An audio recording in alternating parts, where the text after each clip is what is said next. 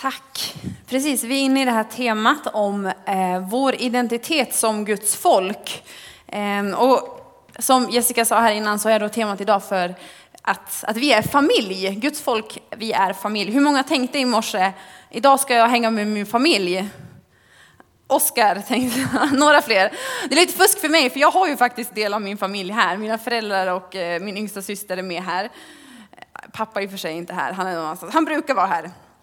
Ehm, så att vi ska titta lite på det idag, vad det faktiskt betyder att vi är familj som Guds folk. De tidigare söndagarna så har vi gått igenom lite olika teman av att vi är Guds barn, eh, vi är ehm, ljus och salt, vi är ehm, ljusets barn, vi är präster, vi är kungar, vi är byggnadsstenar, levande stenar predikade Rickard om förra veckan. Och så idag då om att vi är familj.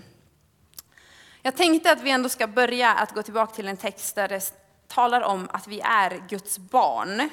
Så att vi börjar i första Johannesbrevet kapitel 3, vers 1-2. Ska vi läsa.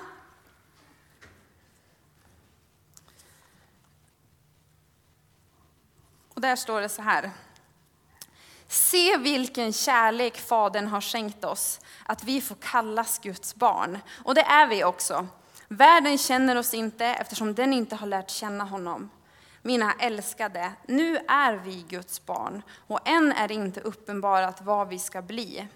Men vi vet att när han, alltså Jesus, uppenbaras så ska vi bli lika honom, för då får vi se honom så som han är.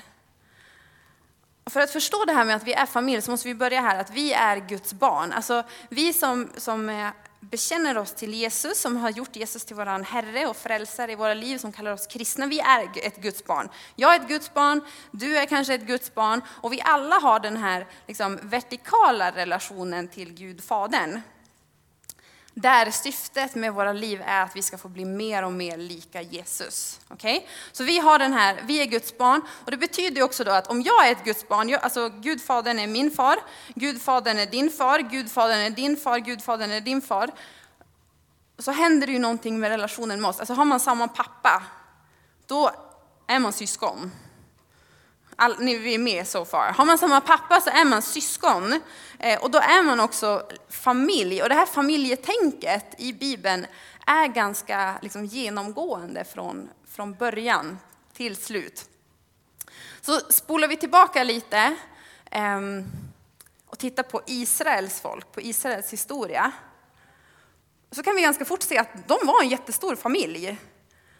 Alltså Israels folk bestod av, av eh, tolv stammar och de här tolv stammarna det var liksom tolv bröder, Jakobs tolv söner som var bröder. De utgjorde hela Israels folk.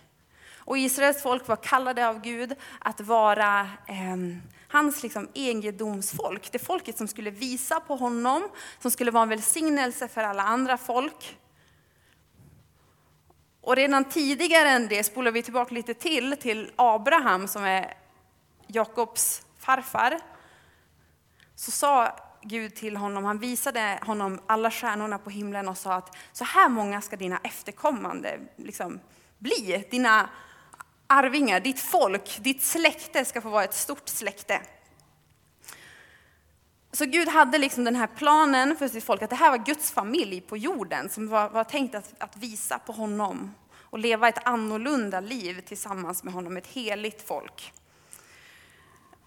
Och Israels folk, de fick ganska många liksom, bud och eh, lagar och sånt av Gud, hur de var kallade att, att leva. Men det största budet som de fick, det var liksom ett kombinerat bud av, av det som Gud säger till dem som står i femte Moseboken, att det här var liksom det viktigaste om hur de skulle leva och hur de skulle bete sig. Och i femte Mosebok så står det så här, och Gud säger till sitt folk, Hör Israel, Herren vår Gud, Herren är en. Och du ska älska Herren din Gud av hela ditt hjärta, hela din själ och hela din kraft.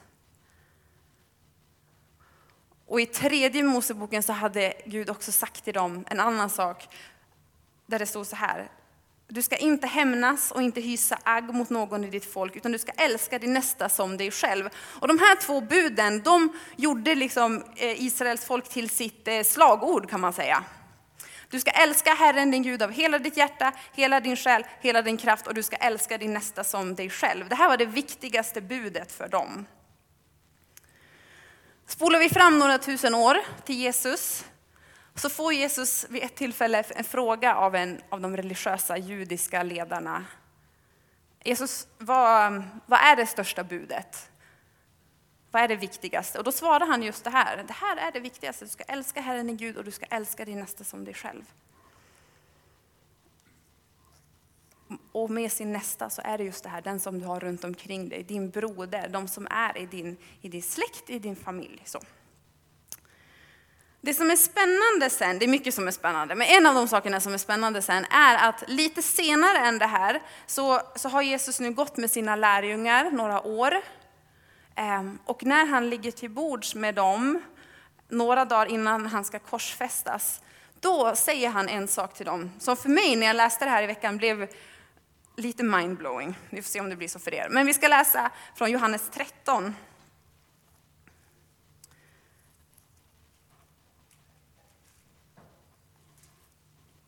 Vers 34-35.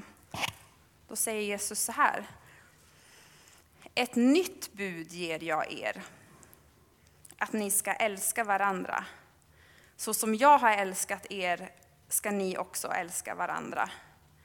Om ni har kärlek till varandra ska alla förstå att ni är mina lärjungar. Först när jag läste det här så tänkte jag, vadå ett nytt bud? Det här är ju exakt samma sak som de har sagt i alla de här tusen åren. Att, att du ska älska din nästa, att du ska älska varandra. Men vad är, vad är skillnaden här? Alltså tittar vi lite närmare på det.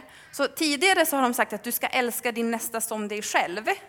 Det var den standarden som var lagd. Lika mycket som du älskar dig själv, så ska du älska din broder. Här säger Jesus, vet du, nu höjer vi ribban. Så som jag har älskat er, så ska ni älska varandra. Alltså den Jesus som, som gav sitt liv för mänskligheten.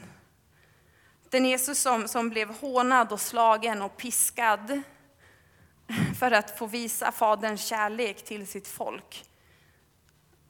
Den ribban sätter han helt plötsligt.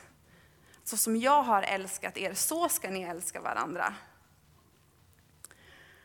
Och det som händer är ju också att när, när Jesus dör, och han uppstår och allt det här. Men när han dör så, så står det också att, att det stora, stora eh, tygskynket, förlåten i templet som, som skilde människorna från att komma in i det allra heligaste, den brast. Alltså Gud, Jesus gjorde vägen öppen till Fadern. Och nu helt plötsligt så var det inte bara judarna som fick komma till Gud. Utan i och med det Jesus gjorde så gjorde han vägen öppen för alla. För alla folk. Tidigare var det bara de som var liksom släkt med någon av de här tolv bröderna, alltså någon av stammarna. Helt plötsligt så var vägen öppen för, för alla folk att få bli del av Guds familj. Och, för att, och så vände han om det lite, att istället för att, att man, man var, tillhörde rätt släkt så fick man tillhöra Guds folk och vara del av familjen. Så blev det istället att de som, som tror på Jesus, de som tillhör Jesus, bekänner, bekänner honom som sin Herre, de blir ett Guds barn och de blir del av familjen. Och där är vi nu. Så är det nu för oss. Alltså vi, det är kanske någon, men ingen egentligen av oss som, som är släkt med någon av de här liksom, tolv brorsorna. Utan vi är här blivit inkluderade i Guds familj på grund av det Jesus har gjort. Och vi får vara del av, eh, av hans folk nu, hans familj i den här tiden på jorden. Eh, och i Romarbrevet så står det, vi ska inte läsa det, men där så står det att, eh, att i kapitel 8 att, att Jesus var den förstfödde bland många bröder. Alltså Jesus poängterar, eller Nya Testamentet poängterar igen att det är heller inte bara att ni är släkt, utan det finns den här nära, ni kallar det till nära relationer, syskonrelationer med Gud Fader som far, men också att Jesus är den förstfödde bland många bröder och ni ska bli lika honom. Att vi är bröder och systrar. Så ni tittar runt lite, så tittar ni på era syskon lite. Man, vissa är mer lika varandra än andra. Eh, men det här, liksom, vi, är, vi är bröder och systrar. Och det är kanske ett konstigt sätt att tänka, men, men det är så Bibeln beskriver det. Vi är bröder och systrar. Och vad betyder då det här? Hur i hela friden ska vi kunna älska varandra som, som Jesus har älskat oss? Eh, det känns jättesvårt tycker jag. Ehm, och jag tänkte att vi skulle läsa en, en text som säger hur man inte ska göra. Vi börjar där. Ehm, och här kan jag bara varna er liksom lite att vi får liksom spänna fast säkerhetsbältet lite här, för det som Jesus skriver här, det är oh, hårda ord. Och det är sanning och det är fantastiskt. Så vi slår upp Matteus 5. Matteus evangeliet kapitel 5, vers 21 till 26. Och igen här så, så ger Jesus en ny standard. Han börjar med att säga, så här sa fäderna, alltså så här sa de i Israels folk, eller så. Och nu kommer jag med en, en ny nivå av saker och ting. Så vi läser från vers 21. Ni har hört att det är sagt till fäderna, du ska inte mörda, och den som mördar blir skyldig inför domstolen. Men jag säger er, den som blir vred på sin broder är skyldig inför domstolen. Och den som säger idiot till sin broder är skyldig inför rådet. Och den som säger dåre är skyldig och döms till det brinnande Gehenna. Och det är en bild på helvetet.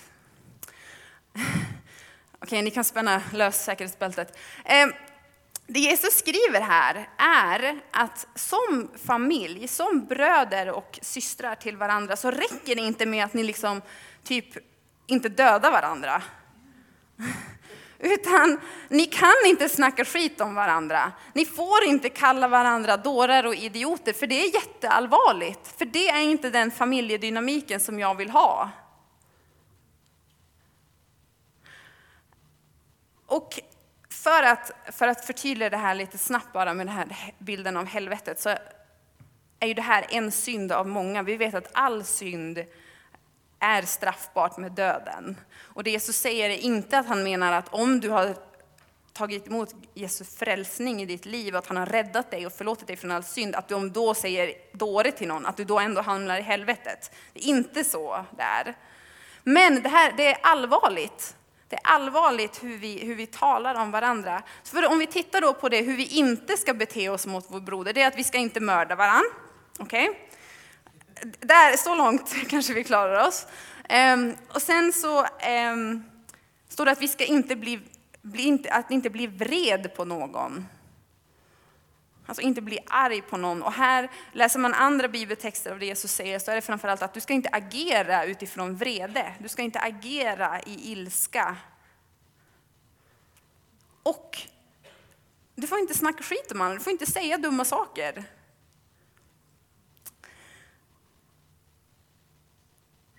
Och jag skulle kunna ge jättemånga exempel här på hur jag har snackat skit om folk och sagt dumma saker till folk och om folk, men vi ska inte gå in på det. Eh, jag tänker att vi istället ska få måla upp en annan bild. För vänder man på den här steken så blir det ju först, för det första att vi är då kallade att tala gott om varandra, tala liv till varandra, att uppmuntra varandra som Guds folk. Men också så skulle jag vilja att vi bara fantiserar lite, eller liksom försöker måla upp en, en, en målbild för oss. För att tittar man på en vanlig familj, alltså en vanlig jordisk familj, så är ju inte de flestas dröm och längtan för sin familj att man bara inte ska döda varandra eller tala illa om varandra. Utan det finns en större längtan för vad en, en vacker, välfungerande, eh, härlig familj är. Och det är ju en familj där, där folk får vara de de är. Att man älskar varandra, man hjälper varandra, man vågar be om hjälp till de andra i sin familj. Där man delar med sig av det man har. Där man, när någon gör mig illa, att jag vågar säga att vet du mamma, när du sa så där så, så gjorde det ont i mig. Och en familj där, där vi liksom får, får uppmuntra varandra att, att bli de, den bästa versionen av varandra, att få växa upp, att vara människor som får, som får eh, stå stadigt i livet och få vara vittnesbörd för andra. Och att när andra ser på, på vår familj, att de säger oh, wow, vilken, vilken kärlek ni har till varandra. Och det här är den bilden som Jesus som målar upp på något sätt av, av tanken för sin familj. Det är inte bara att vi ska stå ut med varandra, utan att det ska få vara alla de här positiva egenskaperna och sidorna av hur en, en välfungerande familj kan få, få vara.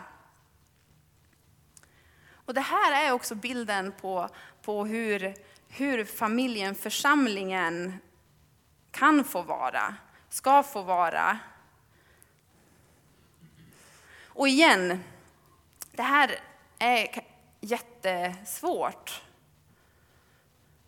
Alltså jag skulle bara kunna tänka mig att vi som är här inne, du kanske inte känner någon annan här inne och det här känns konstigt att det här är dina bröder och systrar. Eh, men det kan också vara att, att man är här och känner att ja, men också den där personen stör jag mig på, den där har sagt någonting som, som gjorde ont i mig. Där finns det en konflikt, den där försöker jag undvika. Och det här är saker som vi får liksom bli inbjudna att ta, ta itu med, ta tag i. För det är inte så en välfungerande familj fungerar, att man bara liksom sopar saker under mattan och låter det vara. Och på den här befallningen, eller budet som, som Jesus ger, att, att vi ska älska varandra så som han har älskat oss, så är inte det heller någonting som vi kan göra i vår egen kraft. Den kärleken här som Jesus talar om, det är dessutom det, det grekiska ordet agape som är den självuppoffrande kärleken. Den utgivande kärleken, den, som tänker på, den kärleken som tänker på andra framför en själv. Den, den ordet för kärlek som framför allt beskrivs eh, om, om Guds kärlek till, till mänskligheten. Det är den typen av kärlek som Jesus kallar oss. Inte att, att vi känner så, alltid så mycket kärlek till varandra, utan den här agerande kärleken. Att välja att älska varandra även när det inte känns som det. Och som med alla andra bud som Jesus ger oss, så kan vi inte klara det här i vår egen kraft. Alltså vi behöver Jesus för att göra det Jesus säger åt oss att göra. Det är liksom en liten spännande så här loop-grej. Alltså för, att, för att leva med Jesus och leva som en, en efterföljare till Jesus så behöver vi honom. Vi behöver hans hjälp. Och vi behöver den helige ande i våra liv. Helig ande beskrivs ofta som, som hjälparen. Och vi ska också läsa en text från, från Galaterbrevet 5, som, där det beskriver andens frukter. Alltså det som händer med oss när vi eh, låter hela ande verka i våra liv. Då händer det någonting. Så i Galaterbrevet 5, vers 22 till 26 så står det så här. Eller jag läser vers 22 och 23. Andens frukt däremot är kärlek. Agape, det är samma ord. Andens frukt är kärlek, glädje, frid, tålamod, vänlighet, godhet, trohet, mildhet, självbehärskning. Sådan är lagen, sådant är lagen inte emot. Alltså här finns på något sätt lösningen för vi också kan få älska varandra.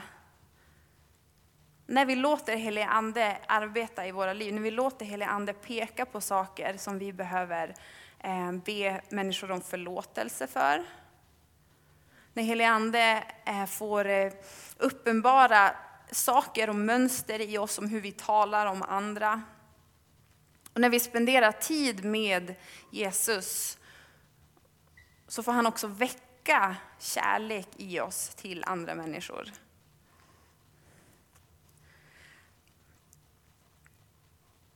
För i den här texten i Matteus eh, 25 som vi läste, om, läste tidigare, några verser senare, så, så säger Jesus dessutom att ni som har kallat varandra dåre och blivit vreda av det här, så säger han att, att när ni sen ska gå och offra, alltså när ni ska gå till templet och tillbe, om ni då har någonting otalt med någon, alltså någon är vred på dig, någon är ledsen på dig för någonting du har gjort, alltså ni har någonting oförsonat, så vänta med att tillbe. Vänta med att offra och gå först och be om förlåtelse. Gå först och försonas med din broder. Alltså så viktigt är det för Gud.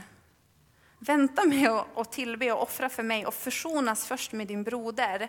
Så att den här vertikala liksom, relationerna blir rätt ställda så att ni sen kan få tillbe mig i ande och i sanning.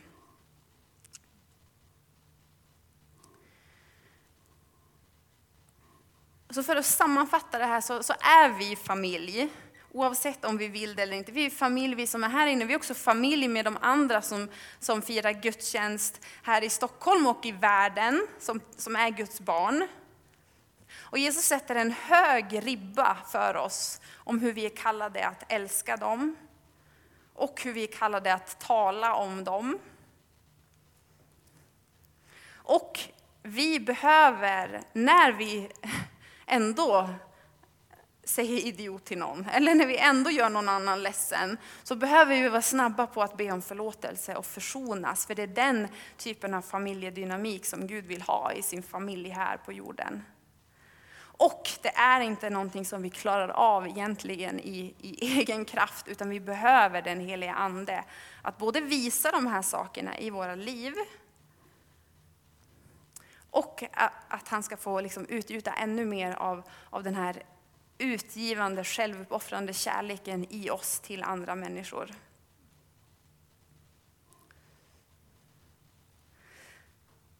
Så om du är här idag och känner att jag, jag har faktiskt inte bestämt mig om jag är, alltså om jag vill vara ett Guds barn eller inte. Du kanske inte har tagit det här beslutet att jag vill göra Jesus till min Herre och min kung och bjuda in honom i ditt liv.